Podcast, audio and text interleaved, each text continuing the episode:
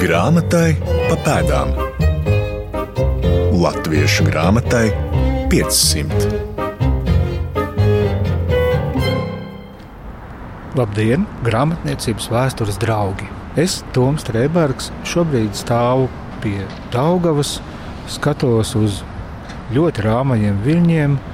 Man aiz muguras ir Latvijas Nacionālā bibliotēka, un tieši tur es došos izzināt šodienas raidījuma galveno tēmu, proti, kronista Baltazara Rusova grāmatu Livonijas provinces vēsture. Līdztekus 16. gadsimta vācu vēsturniekam Tomasam Herneram un viņa īsajām meistru kronikām, kā arī Livonijas laiku norišu dokumentējumam Šone Historija, jeb skaistā vēsture, Baltazara Rusava kronika ir pirmā plašāk iespiestā Livonijas vēsture. Un palika arī pēdējā, jo turpmākajām kronikām, kuras gatavoja tādi izglītoti aktīvisti kā Remers, Brandis, Fabrīcijas un Jērns, nebija lemts iznākt. Mana satikšanās būs gan ar vēsturnieku Andriu Levānu, gan ar Latvijas Nacionālās bibliotēkas speciālistiem Mārtiņu Mintāru un Georgiju Dunājevu. Dosimies iekšā! Izpētes augsta. Kronikas Livonijas provinces vēsture autors ir Tallinas Lutāņu mācītājs Baltazars Rusovs. Pētnieku vidū vēl ar vienu nav vienprātības par Rusova pieskaitīšanu Igaunu etnosam, jo, kā to norāda vēsturnieks Mārtiņš Mintaurs, tolaik cilvēku identitāti noteica teritoriālā, nevis etniskā piedarība. Atceroties iepriekšējo raidījumu, kur apskatījām Rīgas breviāriju un tā ievadā iekļauto pieminējumu par Livonijas ordeņu kauju pret Krieviju pie Smoļinas ezera, arī šo notikumu savā kronikā pieminējis Rusovs. Pirmais kronikas izdevums iznāk 1578. gadā Rostokā. Tas aptver laika posmu no Livonijas dibināšanas līdz 1577. gadam. Pusgada laikā sekoja kronikas atkārtots metiens. 1584. gadā Bartā, proti, Pomerānijā, iznāca jauns papildināts kronikas izdevums, kas aptvēra Livonijas vēsturi līdz 1583. gadam.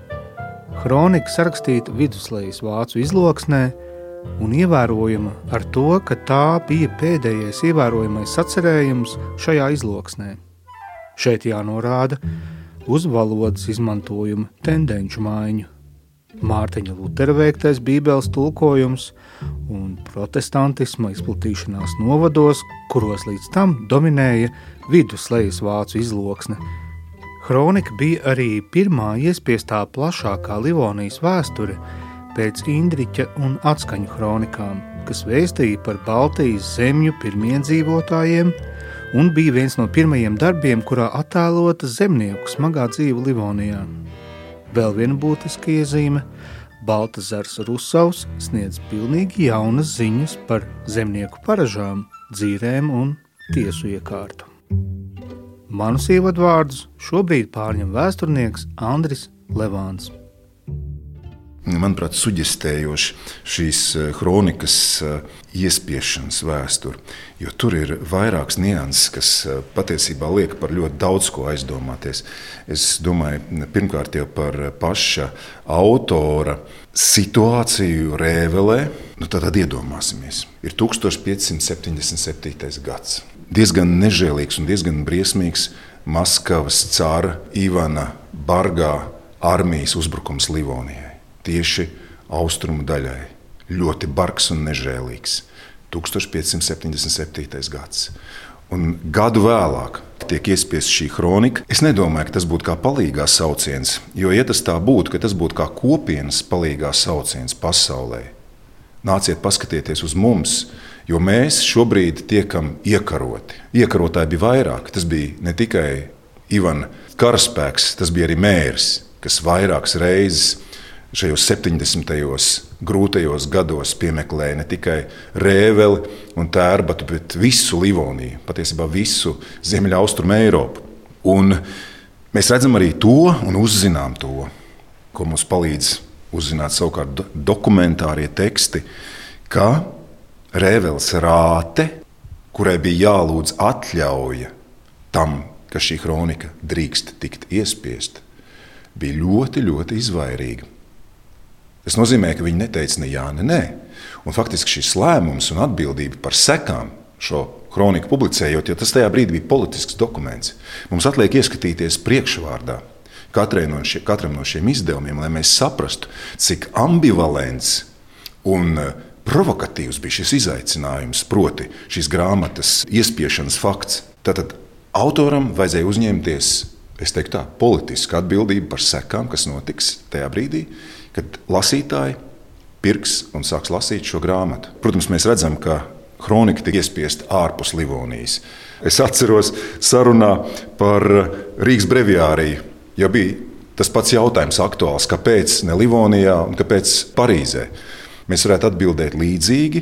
Vēl šajā brīdī Livonijā nav tādas vietas vai tāda meistara, kurš prastu un spētu nodrošināt grāmatu iespiešanu tehniski, bet eh, te ir vēl viena lieta. Šis šajā brīdī bija patiesībā ļoti svarīgs politisks lēmums, ka šai grāmatai ir jāiznāk ārpus Livonijas. Varētu teikt, tā ir sava veida došanās trimdā, kad autors ar savu darbu dodas prom. Viņš saprot, ka šeit viņš to darīt nedrīkst. Ir 78. un 77. gada mīja. Patiesībā šajā brīdī, vēl, tad, kad notiek sarunas ar Brēmenes rāckungiem, jo viņiem tiek veltīts šis darbs par Livonijas vēsturi. Jo pirmajā lapus pusē mēs lasām, ka šis ir veltījums augsti godātajiem, mīļajiem Herrn Bürgermeistere und Ratmannen der löflichen kaiserlichen Freien Rīgas Stadt Bremen, meines großgünstigen Herrn. Tātad viņš šiem impērijas pilsētas, Brēmenes cēlās rāckungiem un birģermeistariem novēl šo grāmatu, un viņš patiesībā viņos arī saskata savu protežēju un savu protekciju. Tad šis ir politisks lēmums. Mēs nezinām, diezgan nu, tā, mēs zinām un nezinām, bet eh, diezgan droši, ka Baltasars Rusovs palika Rēvelē. Taču viņa grāmata, līdzīga kā Ovidija, grāmata Tristīcijā.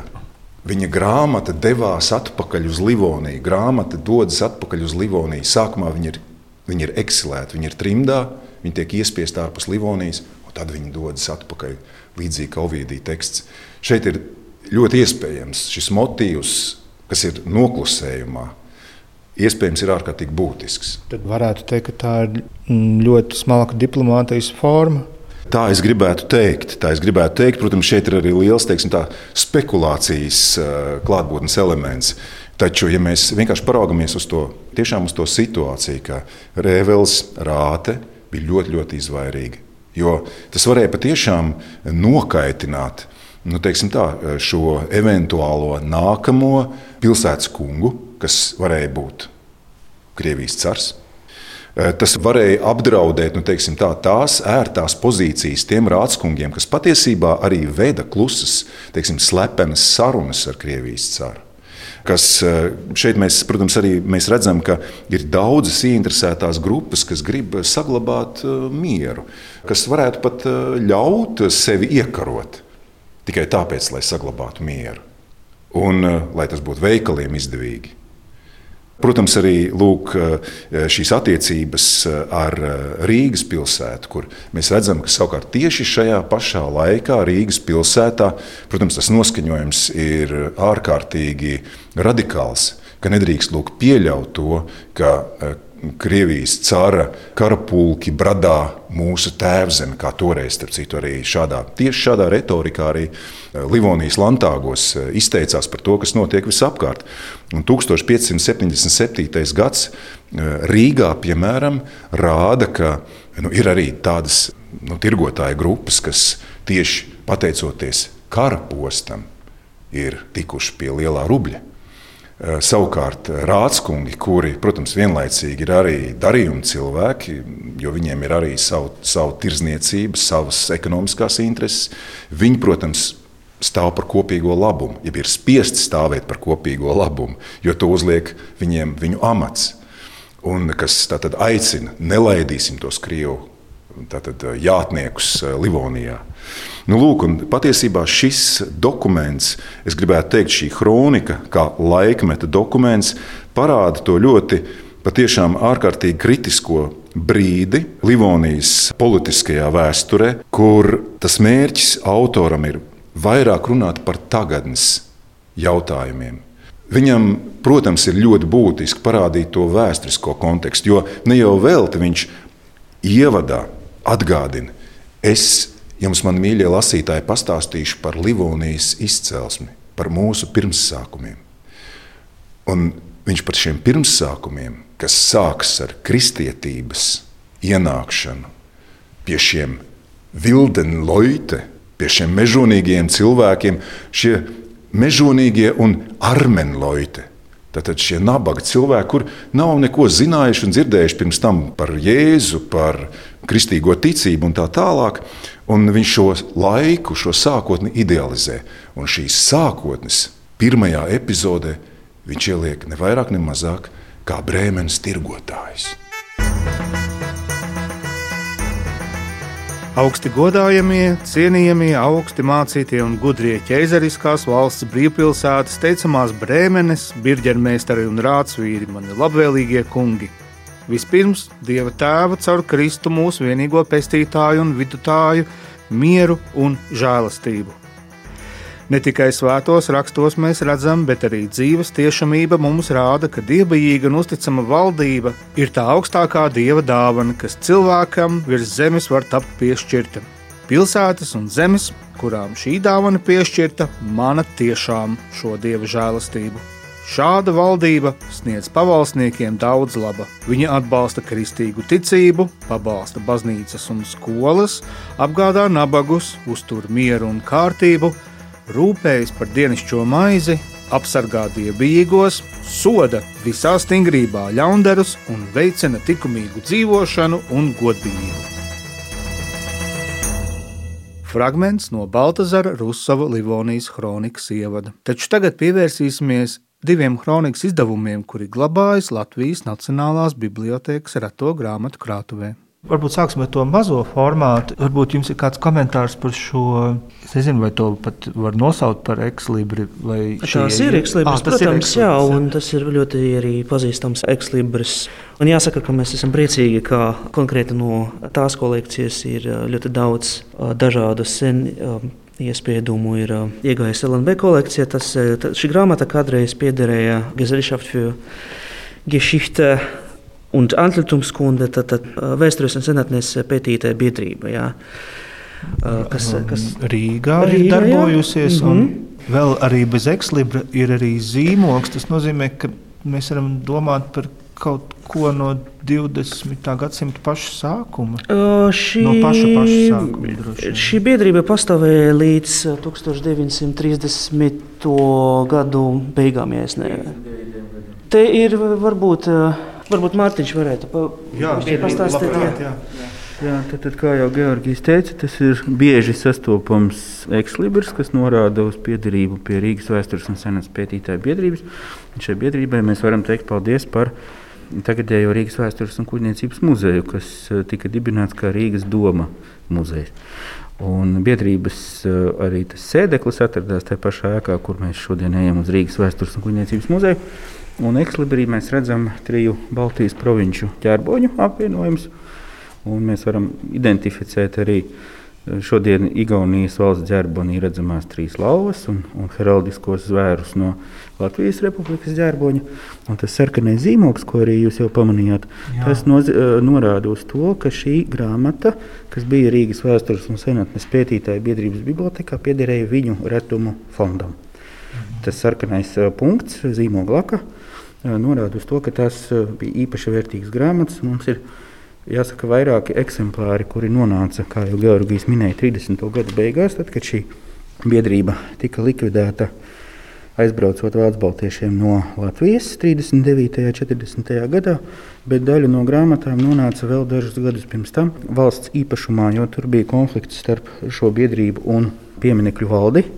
Kas bija izglītības ministrijas iestāde, kurai, kuras pārziņā atradās viss uh, materiālais kultūras mantojums. Pēc to laika bija Latvijas teritorijā, Pēc 1935. gada faktiski ar tādu valsts atbalstu, ar autoritārā režīma atbalstu, pieminiektu valde sāka inventarizāciju par privātajām zinātniskajām biedrībām, organizācijām piedarošām grāmatām, arhivālijām, retajiem izdevumiem ar uh, aizsegu vai ar pamatojumu, ka šie retie izdevumi un arhivālijas netiek pienācīgi labi uzglabāti no saglabāšanas viedokļa, tad faktiski tika uzsākts tāds atsevināšanas process un valsts pārņēma to savā rīcībā. Un līdzīgi bija ar, arī ar grāmatām, kas nonāca tātad Latvijas valsts īpašumā, nu, vai, vai nu vispirms Rīgas pilsētas bibliotekā, kas atradās Rācnamā līdz 41. gada vasaras ugunsgrēkam vai arī citur. Tātad nu, lielākā daļa no šo biedrību īpašumiem tad, tad pēc tam tika pārņemti 39. un 40. gadā sakarā ar Vācu Baltiešu izceļošanu, bet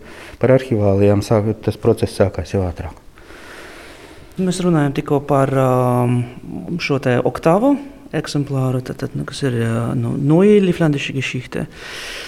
Neue Livlandische Chronika savukārt tas kvarto, kas ir um, oriģinālais izdevums. Jā, te mums ir uh, viens vienīgs ieraksts par provinci, bet arī ļoti svarīgs Karos Edvards Nepierskis, teologs. Mm. Tas pašas biedrības pārstāvis. Tas pašas biedrības pārstāvis, jā. Tad, tad, tikai pārstāvis, viņš bija vienu laiku pat priekšsēdētājs. Jā, jā, jā. Vēstures avotu izdošanas aizsācējiem Latvijas teritorijā, zinātnisko vēstures avotu iedīcību. Ļoti, ļoti nozīmīgs cilvēks. Teologs, izglītots Tartu un viens no tad, tad, um, enciklopēdijas autoriem pār Livonija četrsaimnieka.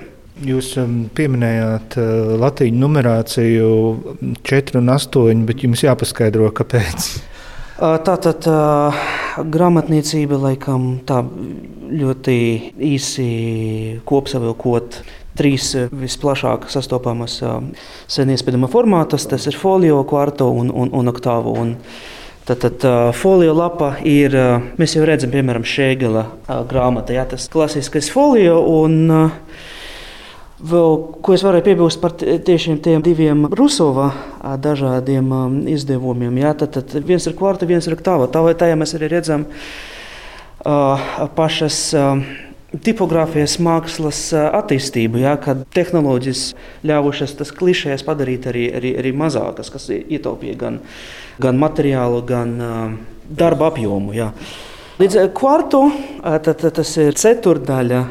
Tas nozīmē, ka folio lapa tiek salocīta uz, uz četrām pusēm. Ja principā vizuāli arī to um, varam demonstrēt. demonstrēt. Jā, tas šis nav, nav klasiskais kvarto, jā, bet, ja piemēram šo folio lapu sadalītu uz četrām pusēm, tad tas arī būtu kvarto. Oktāvo savukārt ir folio uz salocīta um, astoņās um, daļās. Svarīgā grāmatzīme Stūrgalvības kronika ir izcilā igauņu rakstnieka Jāna Krosa pirmais vēsturiskais romāns - Baltazara Rusava fiktīvs dzīves stāsts. Vienlaikus tas lasāms arī kā autobiogrāfisks darbs. Vēstījums par rakstnieku kā svešinieku savā zemē un par rakstīšanu kā par bīstamu nodarbi. Tas ir arī cieņas un mīlestības apliecinājums Tallinai, jeb senākā vārdā sakot, Revelē.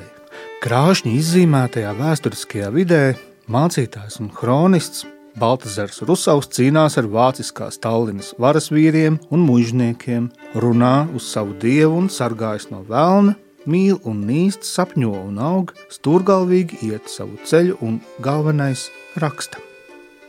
Baltazara Rusova figūras redzējumu Jāna Krosa gadījumā lūdza noraksturot romāna tulkotāju Maimu Grīnbergu. Viņš, protams, viņš apraksta to, kā, cik daudz tiek pārdoti Bremenē, cik daudz tiek pārdoti Tallinā. Nu, viņš lieto tā Tallinas vārdu šajā romānā, nevis rēveli eksemplāru, kā to lasa pilnīgi visi slāņi, kas spēj lasīt, kā bruņniecība niknojās Bet, nu, jā, viņš ik pa brīdim arī viņš um, daudz apraksta to, kā Rusovs pats to savu tekstu analizē. Kā tur man ir kļūda, tur es esmu atļāvies tādu un tādu valodu lietot. Tā stūrgalvība un atļaušanās, es domāju, tas ir tas, ko, ko Kross noteikti mēģina parādīt. Bet, bet zini, kā ir, mm, šis bija Krossa pirmais vēsturiskais romāns, un viņš ļoti pieķērās tai domai, ko, nu, tajā paskatās gads, ko 64. gadā, ko klajā nāca Igaunu dāņu vēsturnieks Pols Johansons, kurš bija atradis, nu, viņa prāta pierādījumus, ka Rusovs ir nu, zemes ļaužu Igaunu izcelsmes. Un Kross tam ļoti pieķērās. Un savā ziņā tas varbūt arī, arī ar to tavu domu atsaucas. Viņš tā tad ir, lai arī augsti izglītots bet tomēr Igaunis tur ik pa brīdim viņš var atļauties kaut kādas, viņa, teiksim, valodas lietojums nav kaut kāds šaušalīgi, vismaz tas valodas lietojums, kādu krosu to parāda, jo viņš ļoti maz citē tieši Rusavu kroniku. Jo es toreiz, kad tulkoju, es skatījos, nu, ir tas latviešu tulkojums, kas man diezko labi nepatīk, bet, eh, nu, tīri kā lasām viela. Bet, protams, es tulkoju to, ko Kross bija rakstījis. Es, nu, sameklēju attiecīgajās vietās, kas ir tajā latviešu tulkojumā, bet, var sakot, Krosam tas uzsauls, viņam ir ir visautobiogrāfiskākais tēls. Jo viņiem tur ir sākot ar, ar to, ka arī ka Krosam ir nācies lavierēt. Tieši tāpatās kā Rusavam nācās lavierēt, tikai nu, un, un meklēt to savu vietu un to savu iespēju kaut ko vispār pateikt. Bet, nu, respektīvi, tas, ko es vēl patiešām gribu pateikt, ka tas, ko Kross ļoti tajā romānā, viss vis tādas sāpīgākās vietas ir tieši par to, kā viņš meklē to iespēju kaut ko pateikt tajos apstākļos, Rusovs un protams, arī kross. Tajos apstākļos, kuros viņš dzīvo. Tur ir vairākas tādas literāri iespaidīgas vietas. Grāmatai pa pēdām. Kopsavilkumu šodienas epizodes tematam sniedz vēsturnieks Andris Levāns. Baldzara Rusova mērķis ir tiešām parādīt, kas ir Livonijas pirmsākumi, kādi tie ir. Ka šie pirmsākumi ir saistāmi pirmkārt ar ar tirgotājiem un ar Romas baznīcu. Ka, lūk, tas ir tas pirmsākums. Tā ir tā leģitīmā vara, kura līdz ar to var pretendēt uz šīs teritorijas nedalāmību. Tātad Livonija kā viens vesels. Mēs esam šodien pieraduši to saukt dažādos vārdos. Livonijas konfederācija vai Livonijas savienība vai vēl kaut kas, kas patiesībā neatbilst tam, kāds ir laika biedu redzējums. Tas ir aplami. Taču Livonija kā viens ķermenis, kā viens ķermenis, kam ir viena sirds. Un viņš redz lūk, šo Livoniju kā nedalāmu, kā tādu kopīgu, vienotu sabiedrisku veselumu. Viņš ir tāds, teikt, savu veidu Livonijas patriots, Baltzers Rusovs.